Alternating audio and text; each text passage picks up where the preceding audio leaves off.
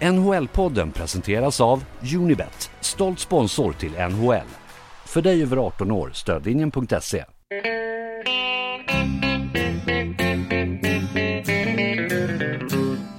Hello out there, we're on the air. It's hockey night tonight. Tension grows, the whistle blows, and the puck goes down the ice. The goalie jumps and the players bump and the fans all go insane. Someone roars, Bobby scores at the good old hockey game. Oh, the good old hockey game is the best game you can name. And the best game you can name is the hello, hello, hello, hello, hallå! Hallå, hallå, hallå, hallå! Ja, hallå och välkomna till NHL-podcasten med eh, Jonathan Onskan Ekeliv som vi hörde där i den klassiska hallåramsan från Örby, Hallå. söder om Stockholm. Hallå, hallå. Eh, och mig då Per Bjurman eh, på Manhattan i New York. Eh, där eh, det är soligt och fint och härligt. Eh, Ja. och nu ska vi ganska tätt på given, det är bara några dagar sedan vi spelade in senaste avsnittet. Men här kör vi så det ryker igen med vårt 441 avsnitt. ja, precis. Eh, exakt. Förra, det har ju bara gått några dagar sedan vi gick igenom hela tabellen och körde det klassiska Thanksgiving-avsnittet. Ja. Då tänkte vi att det kanske blir lite tunt med nyheter fram till, eh, fram till idag. Men tvärtom, det känns som att vi har rätt packat med saker att ta tag i ändå, trots att det bara gått några dagar sedan vi snackade senast. Då. Ja, som vi brukar konstatera så är det ju en drama queen till liga det här. Det händer ju saker hela tiden. Ja. Eh, uppseendeväckande och spektakulära saker. Eh, Så att det finns absolut saker att prata om. Eh, jag är lite, riktigt eager att få göra det. Ja. Och det trodde jag kanske inte för några dagar sedan. Det har varit väldigt svårt med tidsomställningen. Det brukar inte vara något svårt att komma tillbaks hit. Det, det har jag aldrig haft problem med. Men nu fick jag med mig sömnsvårigheterna från Sverige. Det var något med demonerna i det svenska novembermörkret som förde med mig hit och förstört mitt liv. Jag har sovit för mycket, jag har sovit för lite, jag har varit helt knäckt. Men natten innan vid den här inspelningen så sov jag äntligen ganska normalt i sju timmar typ. Ja, så precis. Jag eh, var beredd på att det skulle vara en riktigt sliten Bjurman. som Gnällig och sur. Ja, och tvinga upp här nu liksom eh, på morgonkvisten. Men tvärtom så, så är det en eager Per Bjurman som är tokredo för NHL-podd här. Alltså, och eh, med tanke på, får nästan nämna det, att du, du dygnade ju här i helgen. Eh, Så pass eh, eh, off var din dygnsrytm. Ja, det var en, natt, eller en dag när jag var vaken i 35 timmar i rad eller vad det var. Jag inte lyckades sova alls. Och sen då när jag till slut somnade efter den dusten så sov jag plötsligt i 17 timmar eller vad det var. Jag vaknade Ja. eh, och undrade hur det kunde vara mörkt fast klockan var över, över nio. Eh, men det visade sig ju vara kväll då. du hade sovit bort hela söndagen. Ja, ja. ja men det har, varit, det har varit otroligt intensivt ända sedan jag eh, flög till Toronto för Hall of Fame. Mm. Och sen vidare till Sverige och så tillbaks här. Eh, Det har varit extremt intensivt. Det är inte bara att man är vaken, man ska ju jobba och skriva och stå i också. Ja, det var ju precis texter varje dag och matcher varje dag i, i Stockholm där och, och, eh, Ja. eh, och så var det Hall of Fame dessförinnan och som, som sagt eh, sex timmars eh, tidsdifferens så att säga och fram och tillbaka och hit och dit. Så att, Ja, och då Ja. när vi kom tillbaks här efter Thanksgiving på Black Friday där, då var det ju nästan full omgång från, från tidiga förmiddagen till sena natten som skulle kolla matcher. Och, och nu då har det ju blivit här också. Eh, det är väldigt tajt med matcher här i New York. Måndag, tisdag, onsdag så, så är det live. Liksom. Det var Ja. på Garden ute i Newark och så Garden igen ikväll. Och eh, det där låter ju som en dröm, men det kan bli lite eh, intensivt alltså. Gå på Ja, match varje dag. jag förstår det, jag förstår det. Ja, vi är verkligen inne i det nu alltså. Det, det, december, det, då brukar det vara väldigt mycket matchande för väldigt många lag också för att klämma in innan eh, juluppehållet. Eller juluppehållet, det är ju ett eh, extremt kort juluppehåll. Sen är det fullt med matcher i, i mellandagarna också. och Håller på. Men det Ja. brukar vara väldigt tajt med matcher just den här tiden på året. Ja, men som sagt, vi har, eh, det har hänt mycket också som är värt våra eh, kommentarer och vår eh, skarpa blick, vår skärskådan. Ja. Och vi börjar väl eh, med det som jag tyckte att man kunde ha förutsett, eller och förutsåg också, spekulerade om när vi var i Stockholm. Och det var ju att Minnesota gick ju så dåligt och att eh, Dean Everson, coachen, hängde löst. Och eh, det visade sig att eh, de spekulationerna fanns det grund för. Han har nu fått sparken. Han är done and gone.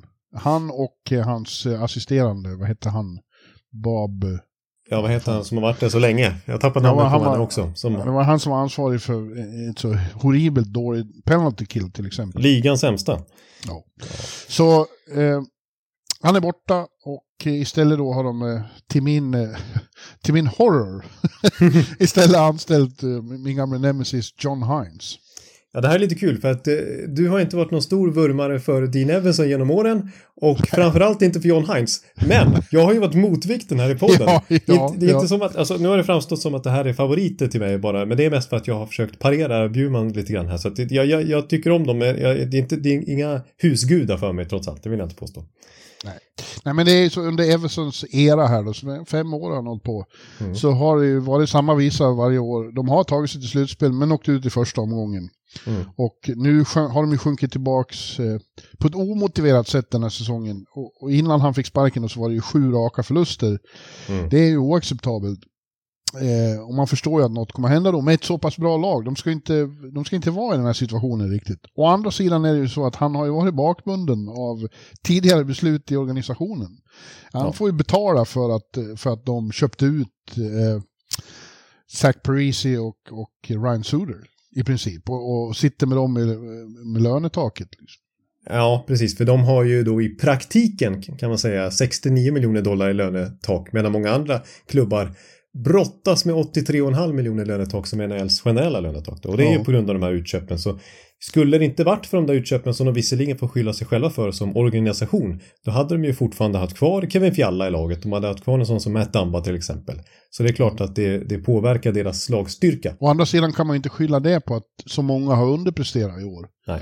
Eh, att, att Kaprizov inte alls är sig själv. Att, att eh, vad heter han? Matt Bowley. Ja, har, har varit riktigt dålig. Eh, och att det inte fått inte fått den utväxling de hade hoppats på, åtminstone här i början, på Filip som första Morris. Och, Nej, och och boxplay är ju lite coachfråga såklart eh, också. Eh, Och det blir ju så, det går inte att byta ut lag i det. Så om något ska hända så är det coachbyte som behövs. Och, eh, de fick ju en snabb effekt i alla fall, med, även med Heinz då. De, vann, de bröt äntligen den sviten igår hemma mot St. Louis och vann med 3-1. Ja, och Bold gjorde mål bara för det också såklart. Ja. Eh, men jag, innan vi går vidare på Heinz här lite grann så vill jag bara säga då, för att återigen hylla Everson lite grann. Det är trots allt så, på de här fem åren i Minnesota, vi kommer till slutspelet, för det har inte varit något att hänga i julgran. Eh, men eh, grundserien, hans eh, vinstprocent eh, landar på nästan 64 och det är den tionde bästa vinstprocenten i hela NHL-historien av coacher som har coachat minst så många matcher som även som kom upp i, 251 stycken. Så det är ändå någonting. Eh, de har varit väldigt, och de har generellt sett har han ju satt ett försvarsspel där fram till i år när det havererade. Eh, de har släppt in lite mål, släppt till få chanser, eh, plus 100 i målskillnad fram till den här säsongen under Dean Emerson. Men nu känns det som att hans ord bet inte längre och eh, när de behövde vända på det här så blev det en snöbollseffekt åt andra hållet. Ja, men å andra sidan, eh, de här framgångarna i grundserien, det är bara kul i ett par år om det inte följs upp av succé i slutspel också. Och där har det ju varit, jag ser ju det, de har ju aldrig lyckats ta sig förbi första rundan och det är otroligt enerverande och tröttsamt för 30 fansen. procent i vinstprocent i, i um, slutspelet. Det är ju jättedåligt. Tvärtom då helt enkelt. Alltså från den här fina vinstprocenten i grundserien till alltså att bara vinna 8 av ja, nästan ja, typ 25 slutspelsmatcher på de här åren är ju, Ja. det, det är ju inte bra. Nej. Vad är det för poäng liksom med det? Och komma eh, in i den trallen år efter år. Liksom. Nej. Men med därmed sagt så, så tror ändå jag att, att Everson kan få ett nytt NHL-jobb som headcoach faktiskt. Nej, det tror inte Det tror jag. inte det. Nej. Jag tror att han blir assisterande någonstans, jag är övertygad om det. Och det var han ju Men tidigare eh, det också. ska jag inte svära på, för det, vi ska komma in på det alldeles strax. Det finns fler, det kan bli ledigt på fler håll. Ja, precis. Ja, så är det. Eh, och eh, Men John Hines. ja, John Hines, alltså problemet för mig är ju... Jag, jag pratade med Joel EE igår då, Mm. efter matchen. Och han sa att det, det var ju, de hade precis träffat, träffat eh, Heinz samma dag. Det var, alltså det var hej, nu, nu spelar vi match. Ja. Så han har väl inte hunnit göra så mycket intryck, men, men eh, Joel sa att det känns som att han är tydlig och aktiv, som han uttryckte det. Eh, Ja. Och så kanske det är, men ja, jag tror att, eh, eh, att de fastnar i den där lunken igen. Det, det är inte omöjligt att han kan få dem att liksom hosta upp sig och gå till slutspel igen. Men jag har svårt att se att han ska ta dem vidare. Det, det blir i så fall eh, Respass i första omgången igen. Han är ingen coach som, som, som får ett lag att plötsligt anta nya dimensioner. Nej, jag håller väl med trots allt. Och det här känns ju som klassisk svågerpolitik eller så här kompisbeslut att Heinz kommer dit med tanke på att Bill Guerin och Heinz eh, härrör från eh, Pittsburgh-organisationen. Det var där de jobbade i ja. Wilkes-Barre, AHL-laget under ett par år. Och, och Ray Shero som eh, tidigare var general manager för Pittsburgh då, han anställde John Heinz som, general eller som coach i Devils när ja. Ray Shero var general manager där. Och nu är alltså Ray Shero advisor, rådgivare åt Minnesota Wells organisation. Så det är väldigt tydlig koppling. Det är liksom ingen slump att Heinz hamnar just Minnesota. Hockeymän och good old boys, de håller ihop. Ja, där, därmed, däremot vill jag ha sagt så här Heinz. Men du gillar ju Heinz. Ja, alltså det jag gillar med Heinz, eh, alltså när han kom in i Nashville mitt under säsongen, eh, kort innan coronastoppet där 2020 ska vi säga, då fick han ju ingen fart på Nashville. Eh, det, det, gick inte speciellt bra. Han skickade ner Filip Forsberg i fjärde kedjan i någon match. Ja, det är det jag aldrig har förlåtit. Nej, och Ryan Johansson fick också smaka på att bli bänkad och sådär.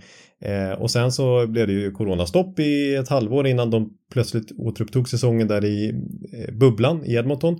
Och då åkte Nashville ut mot eh, Arizona i det här uh, kvalet. Mm. Oh. och sen blev det en konstig säsong på våren där. Eh, när säsongen till slut kom igång därpå. Sen blev det till slut en normal säsong. Och då fick ju faktiskt John Heinz fart på Nashville Predators. Det blev, det blir säsongen 21-22.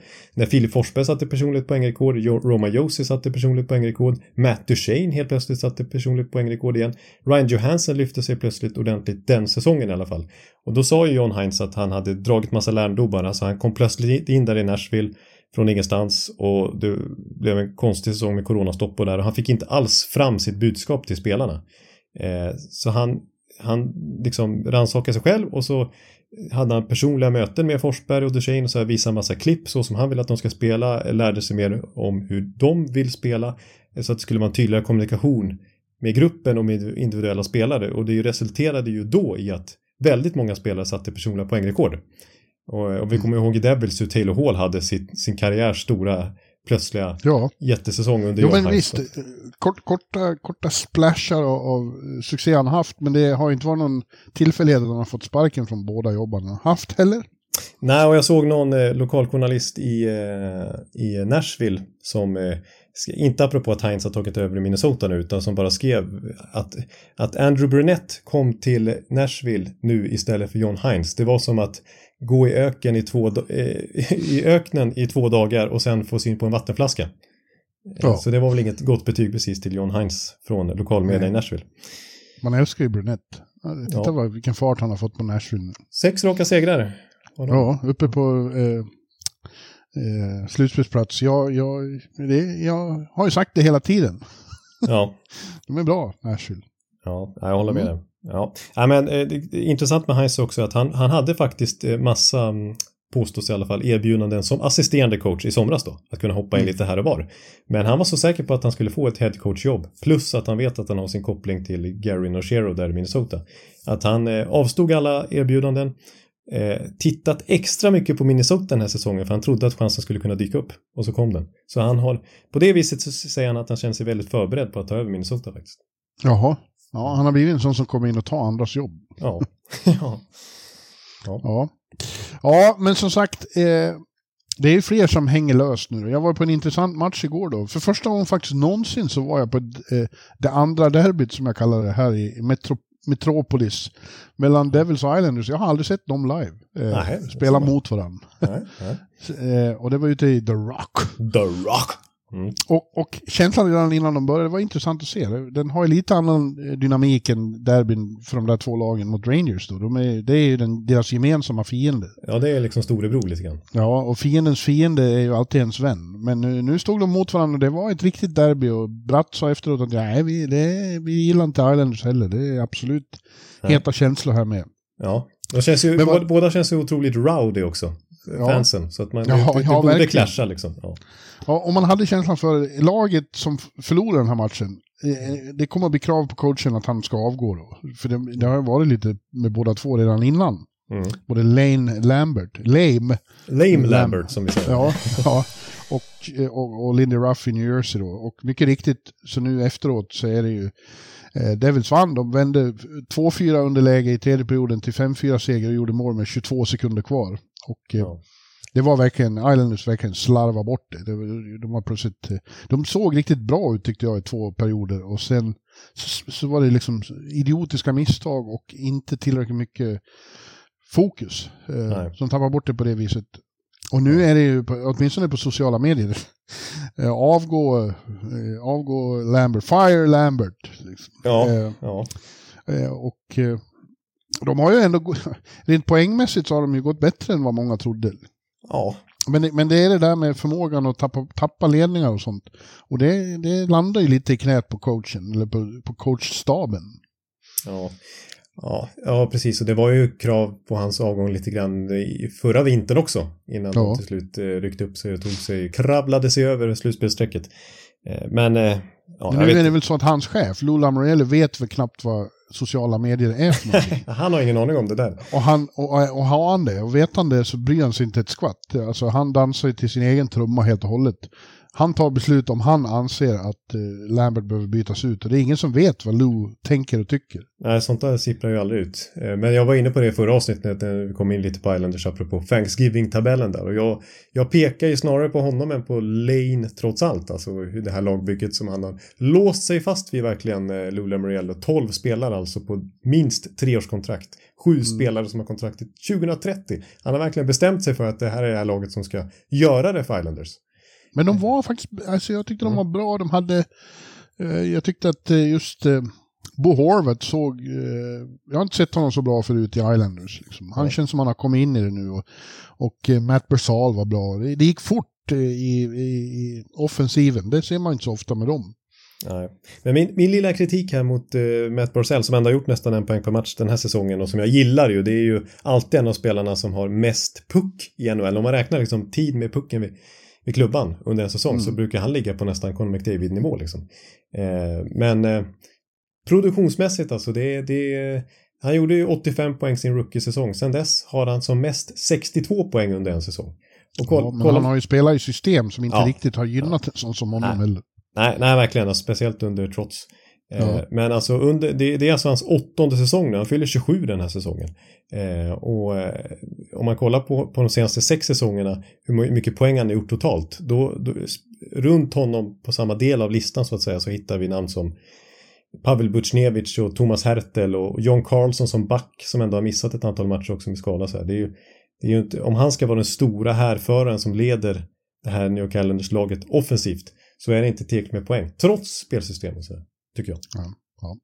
Uh, men samtidigt ska jag säga att jag, jag, kan tänka mig att det kommer att bli fortsatta krav på Lindy Ruffs avgång med. För att Devils, nu vände de ju det där och vann och de har ju väldig explosivitet i offensiven när den fungerar. Men mm. just nu är de inte riktigt det Devils man hade förväntat sig att se och som man såg i fjol. Uh, de är mycket sämre defensivt faktiskt. Uh, ja. Det verkar som att Severson och Ryan Graves, de två som försvann, var, var väldigt viktiga. Du kommer, kommer ihåg min lilla eh, brasklapp där i eh, Nej. New York. Nej, det har du glömt bort inför säsongen. Jag sa det att jag trodde att det kan kanske märks på defensiven att jag saknar lite någon eh, att hålla i handen där liksom. Att det är väldigt offensivt viktad eh, backsida. Ja, eh. Nej, det, det, är för lätt lite att göra mål på dem nu och det beror också på att målvakterna inte alls har levererat. Alltså, eh, Vitek Vanecek är ingen riktig första målis och, och eh, Akira Schmidt då, som Uh, han bevisar inte, jag tänkte på det häromdagen, det är en, en tes där att de här unga målvakterna som kommer in och gör succé så fort de får chansen, det är väldigt svårt för de flesta att sen svara upp till förväntningarna säsongen därpå när alla har fått för sig att åh, här har vi hittat vår nya stormålvakt. Det är lika i Buffalo. Han, eh, han är nere i AHL. Levi, han ja. till AHL och Akira Schmidt inte så bra. Alltså, det där är, jag skrev det igår, jag måste ringa Erik Granqvist och prata om det här. Ja, Spencer Knight. Med, med, ja. ja. du har ett exempel där också. Ja. Mm. ja. Eh, så att, eh, nej, det, är inte, det är inte bara eh, gröna skogar i, i, i New Jersey som bekant. Nej, men det är åtminstone positivt för dem att både Hischer och Hughes är tillbaka så att de har sin eh, one-two punch där offensivt. Så att det kanske, ja. de kanske kan score their way out of trouble så att säga. Ja, precis. Det är hoppet det. Men äh, ja, igår saknade de en sån som Erik Haula då, och Timo Meyer. Och Haula tror jag är viktigare för dem än, än, man, än han borde vara. Med sin ja, rutin och sin ja. ledarskap och så. Ja. Mm. ja, ja, men du, det finns fler coacher. DJ Smith är det ju många som tittar på också och tänker undra hur länge han blir kvar i, i Ottawa.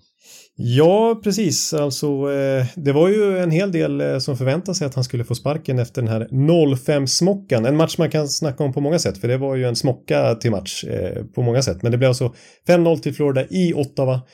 Och sen är det några spellediga dagar för Ottawa och liksom lite läge att sparka coach då innan ett intensivt spelschema väntar igen för Ottawa. Men DJ Smith fortsätter att coacha laget som vanligt här på träningarna och riskerar inte sparken enligt ledningen. De ligger sist. Ja. Då har de å andra sidan väldigt mycket färre matcher spelade än de flesta andra. De har bara spelat ja. 17 matcher åt då.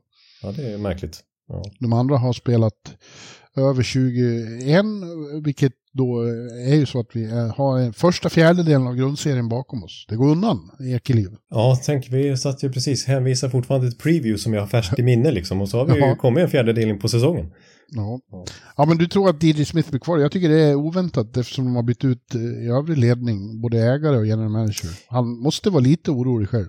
Ja, men det kan väl kanske, alltså ja, precis, jag håller verkligen med om att det är ju, det är ju dags att, att bryta där nu liksom. Men eh, det är väl kanske det att Steve Staios som har fått rycka in som tillfällig general manager nu när de sparkade Pierre Dorian. Han ska ju egentligen inte vara general manager över tid utan han ska ju vara president of hockey operations och ska han anställa en general manager som kanske i sin tur då ska få anställa sin coach. Jag kan tänka mig att det är det det hänger på. Att eh, mm. Steo snarare letar efter en general manager nu än en coach. Även om det börjar nästan bli ohållbart. Jag menar, Ottawa har ju ambitioner den här säsongen. Med nya ägare och allting. Eh, och ja. sen så håller de på att halka efter redan nu. Ja, nej jag, jag, jag tycker att det måste hända något. Absolut. De, de ska ju vara liksom uppe och vara bubbellag.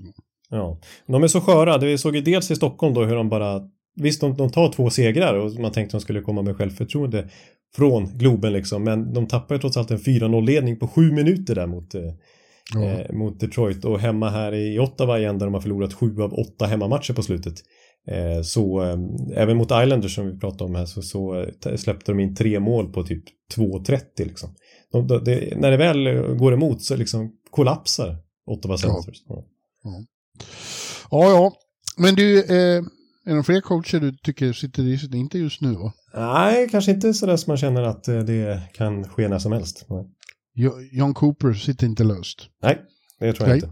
inte. Nej. Nej, men du, då går vi vidare med, med andra stora nyheter som har hänt eh, här då. Och eh, det var en liten eh, sjöng till, som jag brukar säga. Ja. När vi fick här beskedet att Patrick Kane ska spela och han har skrivit på för Detroit Red Wings. Ja, det är på ett sätt inte oväntat med tanke på att det är ett av lagen som det har spekulerats kring. Men eftersom det har varit så tydligt att han ska gå till en true cup contender. Liksom, mm. Då tänkte man sig kanske eh, något... Florida. Ja, Florida Panthers eh, som... Till, ja, jag håller med där. Som brukar också vara ett näste med, med det för den här typen av spelare och utan delstatsskatt och allt det där liksom och värmen och, och, och så vidare. Men eh, det är på ett sätt inte helt ologiskt med Detroit heller. Det är väldigt intressant ur flera aspekter det här. Och till att börja med då just att han väljer Detroit är ju för Detroit ett väldigt eh, eh, positivt besked. För det, det vittnar om att han har identifierat dem som ett, som ett eh, lag som kan gå långt. Mm. Eh, och det höjer deras status i ett slag att han faktiskt eh, tar det beslutet. Ja. Eh, det är också intressant då att han återförenas med The, Cat, the show, Showtime and the Cat ja. återuppstår. Alltså Alex DeBrincat som han hade sånt fantastiskt eh, kemi med i, i Chicago. De mm. ska spela ihop igen. Mm. Eh, sen är det ju då, han har genomgått samma höftoperation som, som Beckis. Och ja. det har vi ju tyvärr fått besked om att eh, det inte alltid fungerar. Ja, man kommer nödvändigtvis inte tillbaka i samma slag som innan Nej. skadan så att säga. Nej. Vi vet ju inte vilket skick han är i alls. Eh, och det får väl det får helt enkelt visa sig. Ja. Eh, men, men eh, jag tror att det där är, det är väldigt viktigt för Detroits självbild och för stämningen runt och i laget att eh, hej, Patrick Kane vill spela med oss. Jag tror att det i sig är en jävla kick. Liksom. Ja, Exakt, det var, det var ändå flera lag som var intresserade här och visst, eh, vissa hade ju begränsat med löneutrymme och kunde inte komma med något kanske jätteattraktivt bud. Det ska vi säga, i konkurrensen. Eh, möjligen ihop med Buffalo Sabres som var lite intresserade också men som ju inte ligger så lika bra till i tabellen. Så, så hade Detroit en konkurrensfördel i sitt löneutrymme mm. också. Men ändå, det är absolut, jag håller med om att det höjer efter alla dessa år med sju år missat slutspel och minst antal poäng i hela NHL under den perioden också. Att plötsligt en sån här storstjärna, Hall of Famer, väljer av alla ja. lag Detroit. Ja, jag som kommer ihåg när de var bittra rivaler i Western Conference. Eh, ja. tycker jag också att det, det var otänkbart då att Kane skulle spela med Red Wings. Eh, eh, och det, är också, det finns en klassisk rivalitet mellan städerna där, de ligger inte så långt ifrån varandra. Chicago och Detroit, två industrimetropoler som verkligen tycker illa om varandra. Ja. Uh, och så blir det det här bytet. Ja. För, för svenskarna i Detroit är det väl mindre roligt rent individuellt, rent personligt. En sån som uh, Lucas Raymond kommer ju att sjunka ner ett, ett snäpp i hierarkin. Han lär förlora sin plats i första kedjan, åtminstone till en början. Ja, ja det blir spännande. Sig... Precis, det blir spännande att se hur de väljer att formera, men jag har ju svårt att tänka mig att de inte spelar The Brinket i samma kedja i alla fall på varsin vinge. Om kanske Dylan Larkin, ja. eller kanske ändå, skulle jag tro, eh, JT Confer mellan The Brinket och... Nej, jag tror det blir Larkin. Det, ja, det, de borde ju maxa säkert, men det alltså som skulle passa kanske med Confer är att nu är Larkin en väldigt komplett spelare och duktig allround men men jag, jag, tänker alltså för, för, vi får se som sagt i vilket skick Kane är men som han var i fjol, visserligen skadad då, så, så är, blev det ju otroligt tydligt hur ineffektiv han är utan pucken. Alltså det, nu, den Patrick Kane i alla fall var ju bara effektiv med pucken i passningsspelet eh, och sådär. Men så fort det, det var försvarsspel eller sådär så, så eh, var han ju nästan en säkerhetsrisk. Alltså hans underliggande siffror var katastrofala defensivt. Mm. Eh, och det skapades betydligt fler chanser emot än för. Inte bara i Chicago som ju ville typ förlora utan även när han tradades till Rangers så var det samma visa där ja. faktiskt. Ja. Men då var han ju liksom inte i fysiskt skick. Ja. Nu får vi se, han kan ju vara det, men han är ingen eh, spring chicken han heller. Nej, 35 bast. Mm. Så att, eh, eh, sen ska vi lägga till också att han har ju lite kopplingar till Detroit tidigare. Han har bott där eh, ett antal år. Som tonåring då, spelat i flera juniorlag där. Framförallt då i klassiska US National Team Development Program som ah, vi alltid snackar om när det vankas draft. Men så. sånt här tror jag betyder ingenting. Nej. Det är ingen som är glad och längtar tillbaka till Detroit som har bott där. Nej, det, det, nej, det är kanske inte, han tänker inte oj Detroit det är så vackert och fint och jag trivs så underbart uh, där så att det är därför han väljer det. Utan, nej, nej, nej, jag tror att det där är bara Däremot tror jag det betyder en del att Iceman var så angelägen och faktiskt åkte och träffade honom eh, inför det här. Mm. Det har ju spekulerats lite grann att han själv kontaktade, eller att hans agent i alla fall kontaktade både Vegas och Dallas, att det var ställen som Kane gärna ville till. Ja, det är fan det. De ja. kan ju vinna dem. Precis, men de hade varken löneutrymme eller intresse att lägga sina små cent som återstår på just Patrick Kane, utan det kommer de prioritera till annat när det vankas deadline. Det skulle fortfarande förvåna mig väldigt om Detroit spelar final, det får jag säga. Ja, nej, jag, jag ser väl inte heller dem som, eh, även med Kane. Men det blir som sagt, det blir spännande att följa. Och jag, de, de gör ju en bra säsong här, även om de torskar två matcher i, i Globen som kommit tillbaks efter det och tagit tre imponerande segrar. Det är ju tydligt att de blir bättre år för år här nu och att eh, Lalonde har fått ordning på försvarsspelet jämfört med tidigare och de har faktiskt gjort femte flest mål i NHL den här säsongen och nu får de in Kane dessutom som kanske framförallt kan hjälpa dem i powerplay. Så att, ja. eh, jag ska gå och se dem ikväll. De är här i New York och ska spela mot Rangers igen. Eh, Inte med Kane förstås. Han måste få några träningar under bältet innan han kan spela. Ja. Ja. Nej men det är spännande. Jag är lite Lite, lite orolig måste jag säga som Tampa-supporter i den här svåra Atlantic-divisionen när eh, Detroit spetsar till sin trupp ytterligare. Det är, det är trångt att få plats i slutspelet. Finding your perfect home was hard, but thanks to Burrow, furnishing it has never been easier. Burrow's easy-to-assemble modular sofas and sectionals are made from premium, durable materials, including stain and scratch-resistant fabrics. So they're not just comfortable and stylish, they're built to last. Plus, every single Burrow order ships free right to your door. Right now, get 15% off your first order at burrow.com slash ACAST. That's 15% off at burrow.com slash ACAST. Ja, ja i, i eh, Keynes gamla klubb, eh, Chicago, fortsätter det vara turbulent som så ofta. Ja. Eh, och nu Snygg övergång. ja. eh, Corey Perry som eh, skrev på eh, i år efter ett par säsonger i Tampa har alltså fått, han uppsatt på waivers i, med, i, med avsikt att bryta hans kontrakt och ingen har väl tagit honom vad jag förstår.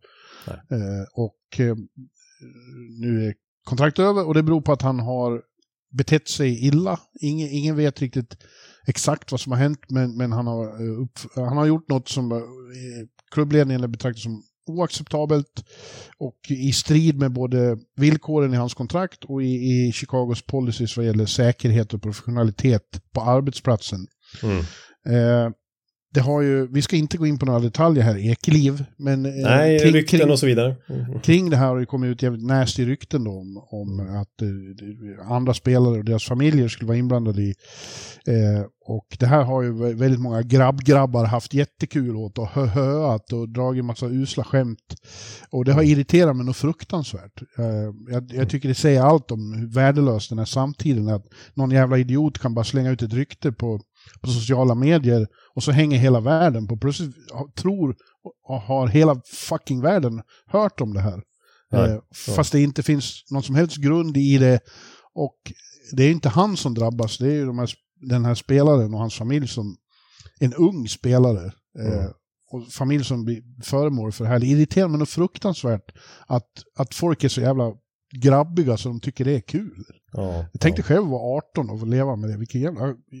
jag- blir otroligt förbannad. Det Ja. säger allt om hur, hur Ja, idiotisk den här tiden är. Och också då, eh, samtidigt så blir jag irriterad på folk som säger typ i Chicago, ty, ja, de sopar allt under mattan. Vad fan, det är ju inte samma Chicago. Det finns ingen som är kvar sedan 2010. Ägaren är död. Eh, och hela klubbledningen utbytt. Och nu gör de ju rätt. De har Mm. snabbt eh, tagit bort spelaren i väntan på utredning och när utredningen är klar så blir han av med kontraktet. Pang, pom. Exakt så ska det se ut. Ja, det ska man ju faktiskt ge Chicago här att eh, Corey Perry, det är inte vem som helst. Det är ju en 18 säsonger i ligan och, och borderline i alla fall Hall of Famer och har trofévinnare och femte och allt vad det varit och tre raka Stanley Cup-finaler på slutet. Eh, kommer hit, eh, eller hit ska jag inte säga, men alltså kommer till Chicago Blackhawks som någon slags mentor och förebildsgestalt ska han ju vara liksom. I, och så får de nys om, om rapporterat, det, jag har förstått i alla fall från ESPN, vi ska inte spekulera för mycket, men ESPNs Emily Kaplan där som är trovärdig har ju varit inne på att det rör sig om någon anställd i klubben i alla fall som har rapporterat Perry. Och att man då snabbt agerat, eh, utrett och kommer fram till att eh, man, man accepterar inte det här beteendet och sparkar då helt enkelt en spelare som Corey Perry. Ja. Eh, och eh, det är ju enligt ja, så det ska gå till helt enkelt om, om man har Ja. värderingar. Ty- man- men nu, nu tycker ju den brölande mobben på Twitter då att de måste berätta vad som har hänt. Det är inte säkert de kan det, det är ju juridiska aspekter kring det här också. Att, eh, och att den som har blivit utsatt inte vill eh, få ut de här uppgifterna. Eh, Ja. Så det, är inte mobben på Twitter som bestämmer hur världen sköts. Utan det sköts på ett korrekt sätt av professionella organisationer. ja. Jag vill bara få det sagt. Ja. Ja, jag håller med. Det är en bra eh, rant av Bjurman där. Jag, jag. Efter att det varit så mycket åt and, eh, vikt åt andra hållet här sista dagarna. Ja, det såg ut som de samlade sig själva till, eh, eh, var förbannade över det här, för de gjorde en riktigt bra match mot Seattle igår och vann med 4-3. Ja. Ja. Mm. Ja, det fick jag ur mig en del. ja, precis. Det hade du byggt upp. Ja, ja det hade jag. Ja, men du, i övrigt vad som har hänt, det är ju som sagt väldigt mycket matcher och eh, intensivt hela tiden. Eh, Det har ju varit intressant här i New York då att eh, till allmän förvåning, nu förlorar de väl den, i och med att Vegas tog en poäng igår eh, Mm. i Edmonton, så gick de upp i serieledning igen. Men eh, dessförinnan så hade ju faktiskt Rangers varit i serieledning några dagar. Ja. Eh, och det hade man ju inte alls räknat med skulle jag säga. Vi, vi vet väl att det är, ett- de har ju ett bra lag, men eh, jag trodde inte alls på Lavalier som coach, men får lov att erkänna att jag hade fullständigt fel. Han har, han har gjort succé i New York och får verkligen fått laget att spela som han vill. Det fick han inte i Washington. De tyckte inte alls om hans idéer, men i New York verkar det funka perfekt. Och de har ju gjort det här utan några av sina bästa spelare. Adam Fox och Hytil har varit borta. Och ändå så, så... Det är ju så, de gör det som kollektiv i mycket, mycket högre utsträckning än förut. För då, har de varit beroende av individuella prestationer i sån hög utsträckning. Nu är det ett lag med mycket bredd och djup och, och som klarar av att spela laghockey. Ja, precis. Och det är framförallt defensiven där som han har eh, satt till fullo i princip. Alltså, nu blev det visserligen 1-5 bara för det mot Buffalo här senast, men det var väl, känns det som Ja, det- en, ett Det var en sån typisk match. Ja, alla lag har ju någon kväll när de är trötta och inte orkar. Det finns ingen som vinner allt och spelar bra varje kväll. Det var en skitmatch av Rangers. Man såg redan första bytet att oj, de här är inte på idag. Och det var de inte heller. Nej.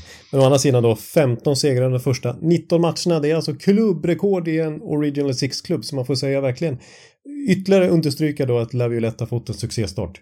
Och som sagt, för, apropå defensiven då, det är bara King som har släppt in färre mål så det är framförallt där de har täppt till.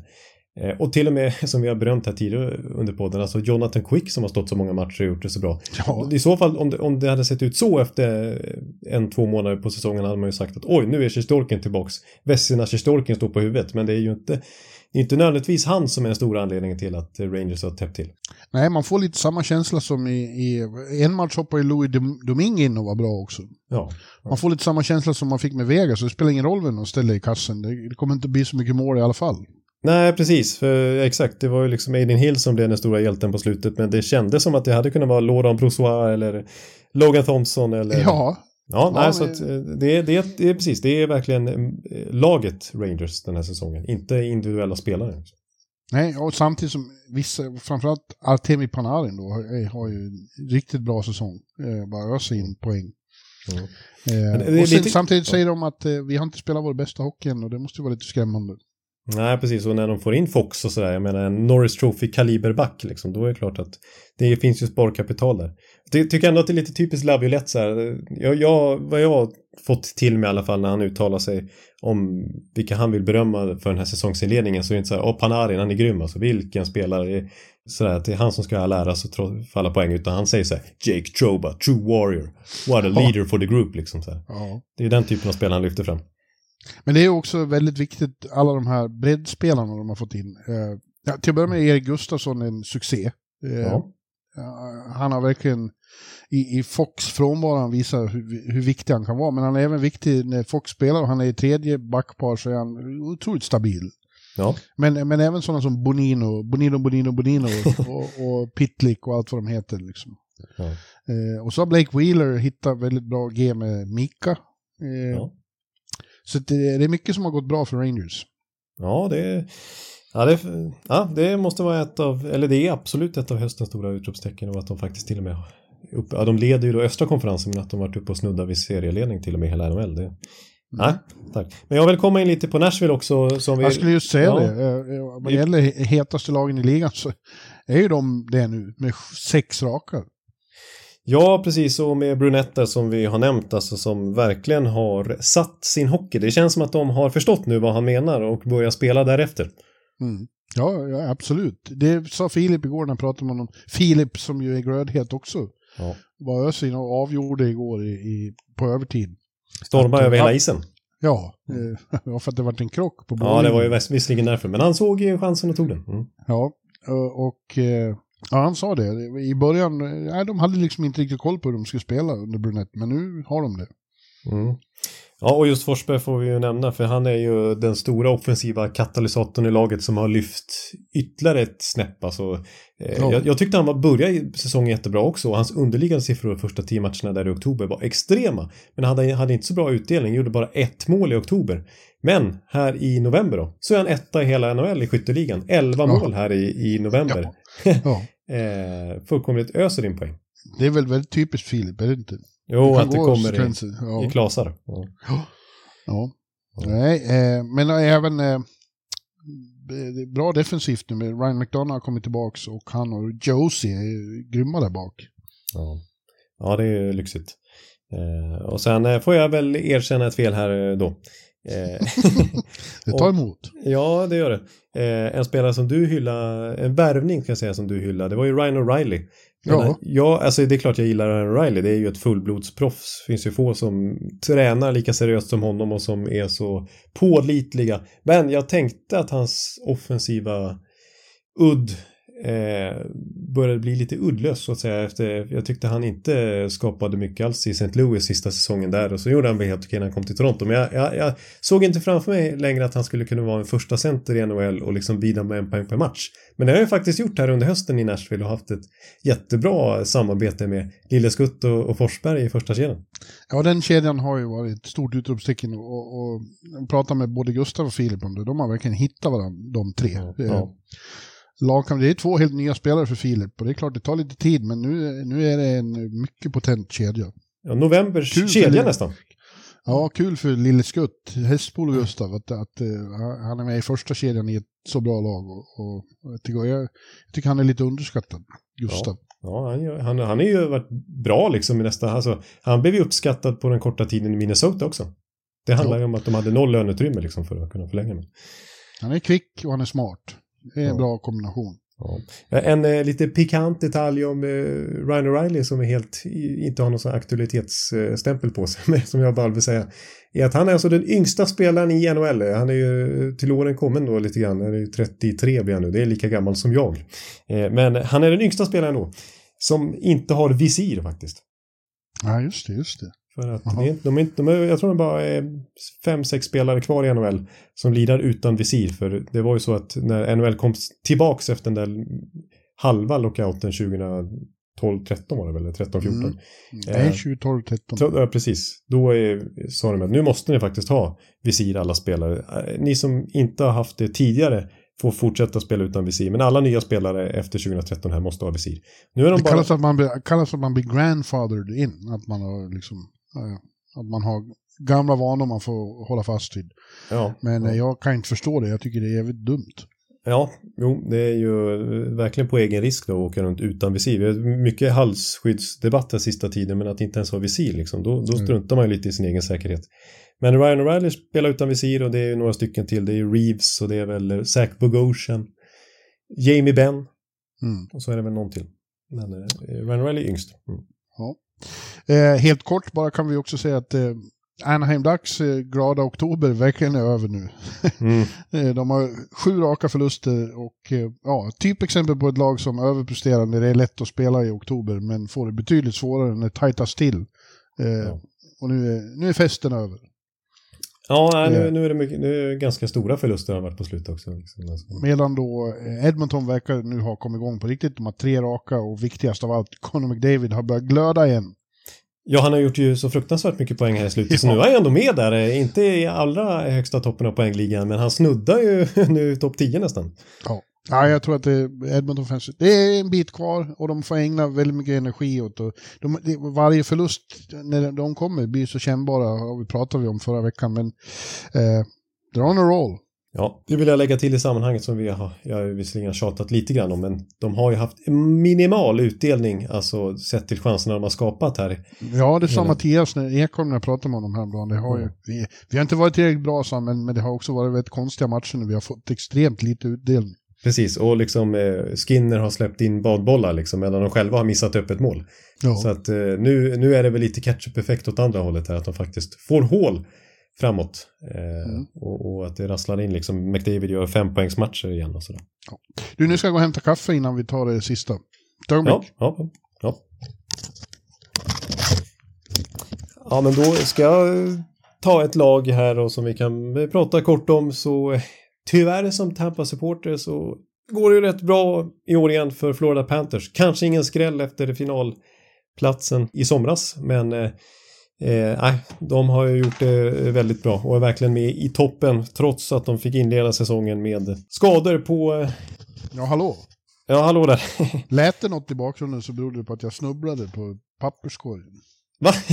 Hur gick det då? Blev det, det blev vilken sån här uh, upper body eller något sånt där? Eller? Nej, nej, jag, jag, jag snubblade på mikrofonsladden här och ramlade in i... Oj då. Ja, men nej, ingen fara alls. Ingen drama queen till podd. Ja. ja, men jag, jag kom in lite snabbt på Florida Panthers. Ja, just det. Eh, som ju, eh, ja nu är de ju tillbaks eh, skulle jag säga. Aaron Eckblad, Brandon Montour och även Sam Bennett som missar mycket av början av säsongen här. Men eh, ja, de, de känns eh, som en contender igen nu tycker jag. Håller på att jaga ikapp Boston som har haft det lite tungt att förlora tre raka. Ja, faktiskt. De som vi, när vi pratade, det var väl så sent som förra avsnittet när vi sa att de bara hade en förlust ordinarie tid hela säsongen. Mm. Och sen dess har de inte vunnit en match. Nej. Nej, det är tre raka i ordinarie matcher. Det, tror, det hände väl inte en enda gång i fjol. Nej, precis. Så att nu har de blivit mänskliga igen. Och det, det hade man kanske, som vi sa då, trott inför säsongen att det skulle bli mer problem. Att eh, jag är otroligt imponerande över deras höst hittills. Men nu, nu är det lite adversity för en gångs skull. Medan Florida Panthers som sagt, eh, som jag tycker har sparkapital också. Dels att de ska få igång Bennett och Motor och Ekblad på riktigt där. Jag menar Matthew Kitchuck som har gjort 100 poäng två år i rad tycker bara tre mål den här säsongen hittills och inte riktigt kommit igång. Barkov förväntar jag mig mer av också. Lundell och Lostarinen där eh, klassiska radarpartner senaste åren här eh, har jag inte riktigt kommit igång heller och ändå det är egentligen bara Sam Reinhardt som varit det stora positiva utropstecken och, och kanske Oliver Ekman Larsson. Men, mm. men så det känns som att de har ännu mer att ge och ändå är de typ i kapp i Boston nu. Liksom. Ja. ja, men du, nu är jag angelägen om att komma in på vårt eh, lilla avslutande tema här. Mm. Det är ju så att eh, NHL planerar för fullt och hoppas kunna eh, sjösätta en World Cup igen då om ett drygt år i februari 2025. Eh, ja. Men det blir inte ett vanligt turnering som den vi har vant oss vid, framförallt för att eh, Ryssland då inte kan vara med. Mm. Och det låter ju som att NHL har lite ryggrad, men så är det inte alls det. De har bara insett, de skulle helst gärna se Ryssland, men de har insett att Sverige, Finland och Tjeckien aldrig skulle spela mot Ryssland. Så Nej, de... det spekuleras ju att NHL, kan inte de spela under neutral flagg då så får ändå med de här spelarna. Nej. Det går inte heller. Nej. Nej, utan istället då så planerar man eh, något speciellt här i form av USA, Kanada en serie här i Nordamerika och Sverige, Finland borta hos eh, er då. Mm. Eh, och sen möts vinnarna i final här. Eh, jag, mm. jag har ju tjatat om den här finkampen så jag ska väl... Eh, det här är ju Bjurmans koncept. Lite. Ja, lite, lite grann. Men det blir ju mitt under säsong. De ska skicka hem dem, det kommer inte vara någon förberedelse och så. Det är inte riktigt på riktigt som jag hade tänkt det. Eh, och dessutom är det ju så att det, det är ett striktly NHL-evenemang då. Eh, mm. De avbryter helt enkelt säsongen för, för en sån här turnering mitt i. Mm. Eh, och vi får, de kommer inte få spetsa med europeiska spelare då. Eh, Nej, vilket ju, kanske inte Sverige är i behov av, men andra nationer. Eh, ja, och, och, och, och, vi kan inte hålla oss från att börja spekulera i hur trupperna skulle se ut då. Eh, Nej. I de här fyra trupperna. Och eh, vi ska nu i avsnitt, ett par avsnitt här gå igenom dem och vi börjar med våra vänner i öst, eh, Lejonen, Finland. Ja. Och precis som du säger, alltså de har ju, eh, framförallt på backsidan har de inte så jättemycket att välja på i NHL. Eh, Nej. Eh, det, jag vet inte hur många de har hemma som skulle bli aktuella, men kanske någon igen då. Om, om ja, fick.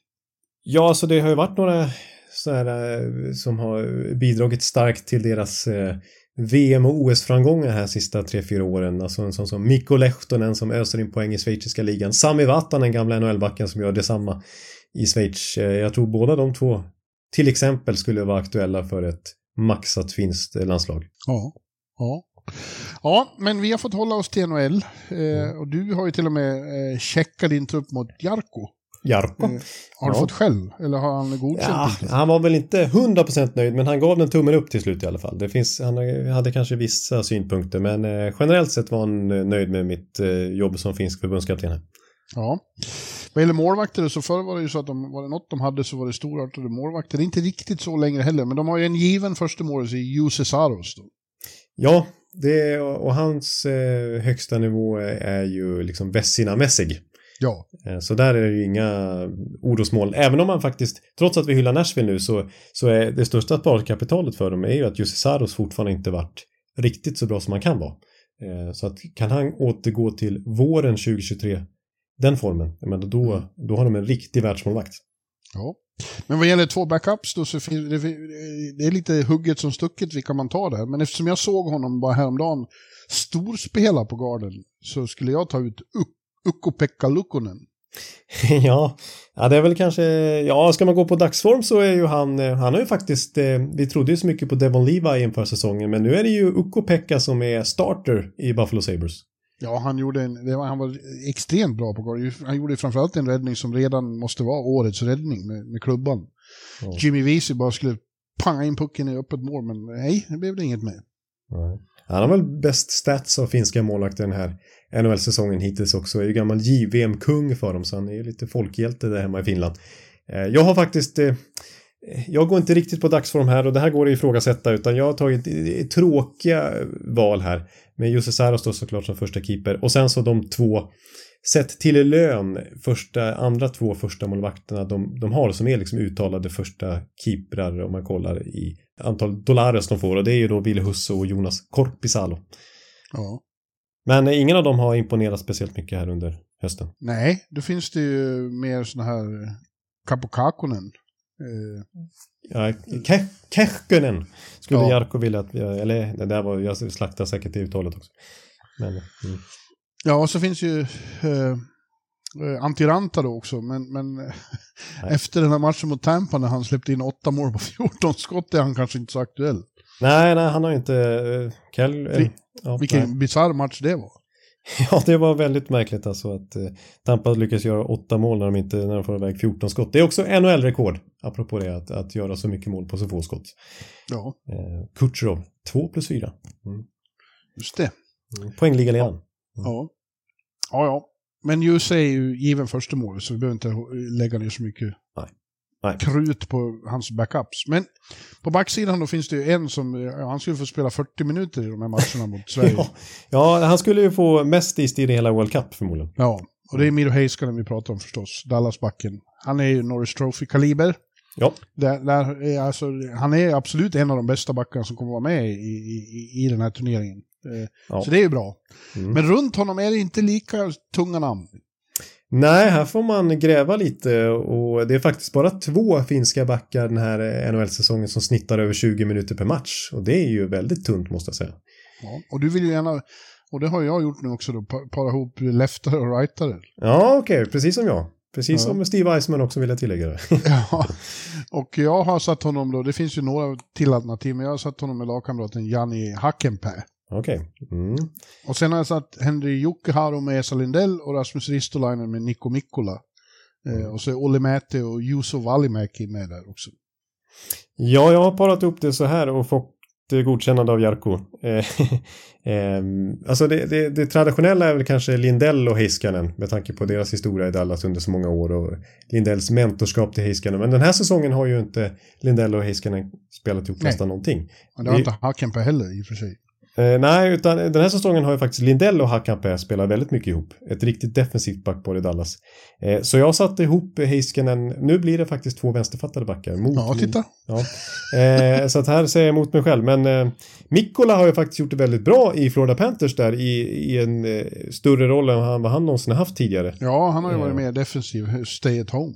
Ja, och nu har han fått spela mycket då när Ekblad och Montour var borta och fortsätter faktiskt till skillnad från e- Ekman Larsson att ha en topp 4-roll här när de är fulltaliga, spelar med Montour och har gjort det väldigt bra. Väldigt fina underliggande siffror, bra statistik, eh, Mikkola och är ju framförallt en stay at home-back. Så att han, han, jag placerar honom med, med Heiskanen och så kör vi det ordinarie Dallas-paret där med Lindell och Hakanpää.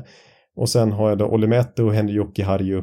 Och så min sjunde back, ah, det- där kan man ju välja någon lite, lite hugget som stucket. Men jag tog faktiskt ut säkerhetsrisken Rasmus Ristolainen. Ja, honom har jag med i tredje Ja. backpar. Ja du, hade, ja, du ser det. Ja, precis. Han är, han är ju faktiskt tillbaka nu från skada också, så han är ju tillgänglig.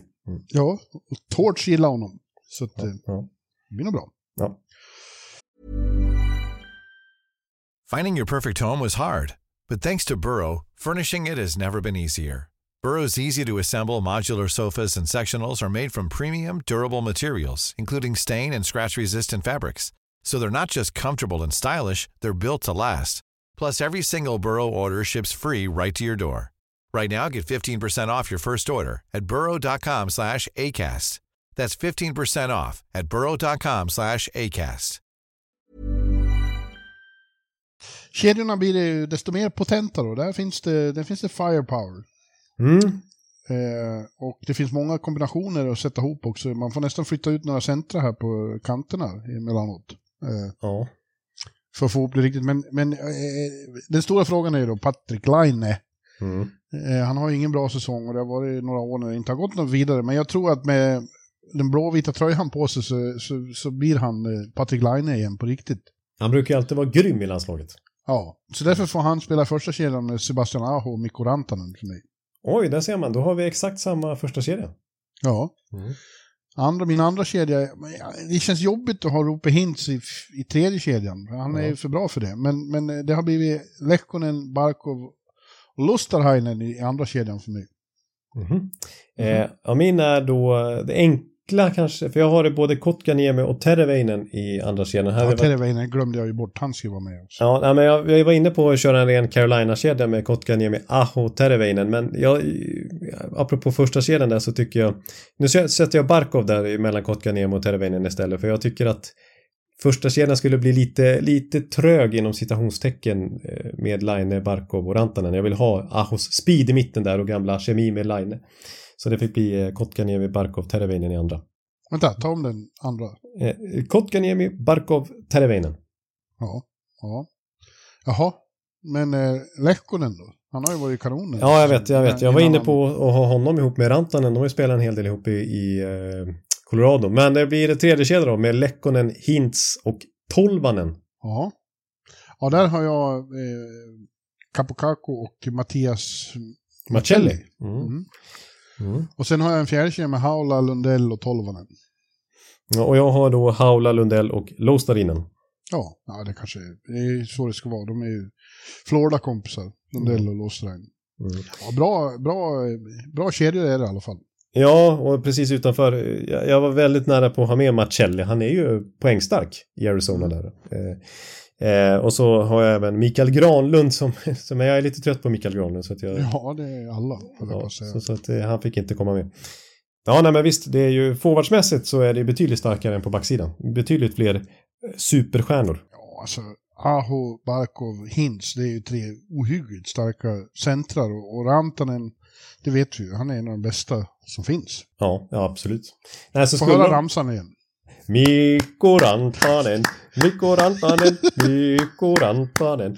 Ja, Ja, ja det, är ett, det är ett ruskigt powerplay de kan ställa upp med. När Ja. de får maxa med Heiskanen på blå och, och sen äh, allt de vill ha där.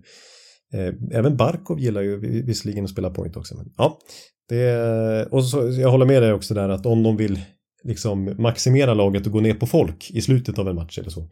Eh, Då kan de ju flytta upp eh, sina vassa centrar och, i topp 6 där. Att Hintz kan ju inte spela tredje center då. Då får de ju skicka ut han på en kant kanske. ja.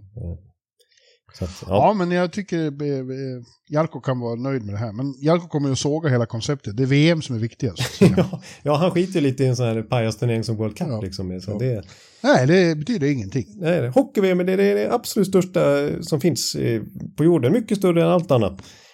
Och jag kan säga så här, Lainan kommer göra 12 mål om han spelar hockey-VM. Jag lovar det. Jag hörde det här först. Ja, så blir det. Ja. Nej men eh, ett, ett starkt lag. Men eh, vi kommer komma in på Sverige, USA och Kanada. Och jag känner ändå totalt sett.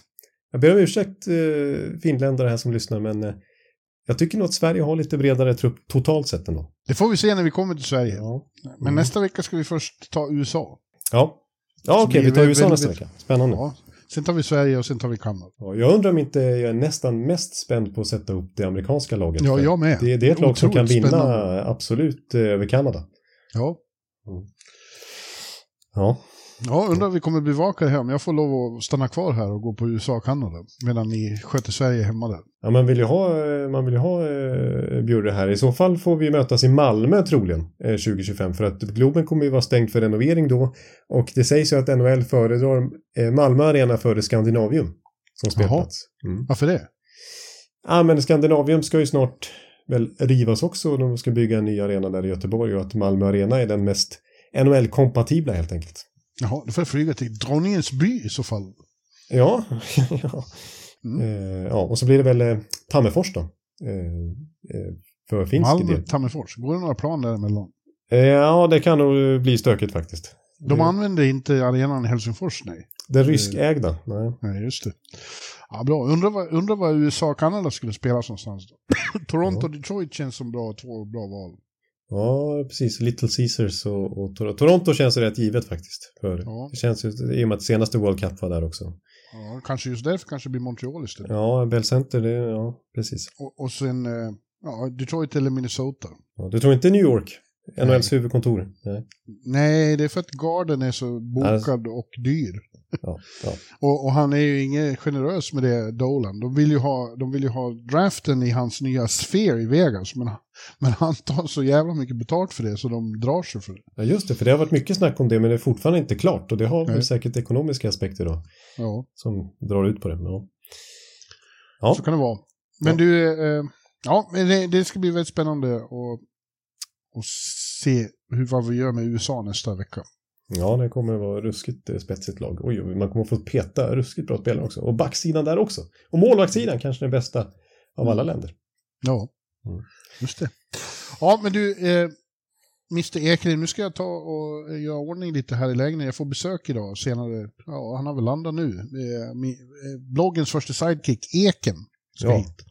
Henrik Ek, eh, Oakman. Original-eken, jag är ju Ja. ekan, men eh, eken är ju eh, betydligt mer klassiskt inslag faktiskt. Ja, han som, han som brukar hämta kaffe och så. ja, ja, precis. Ja, så nu ska jag ta hand om det. Sen ska jag gå på eh, Rangers Detroit och sen eh, börja ladda för nästa veckas inspelning med dig. Ja, precis. Ja, vi börjar ladda redan nu för det. Ja. Jag ska nog börja kika lite på amerikanska eh, laget redan här direkt.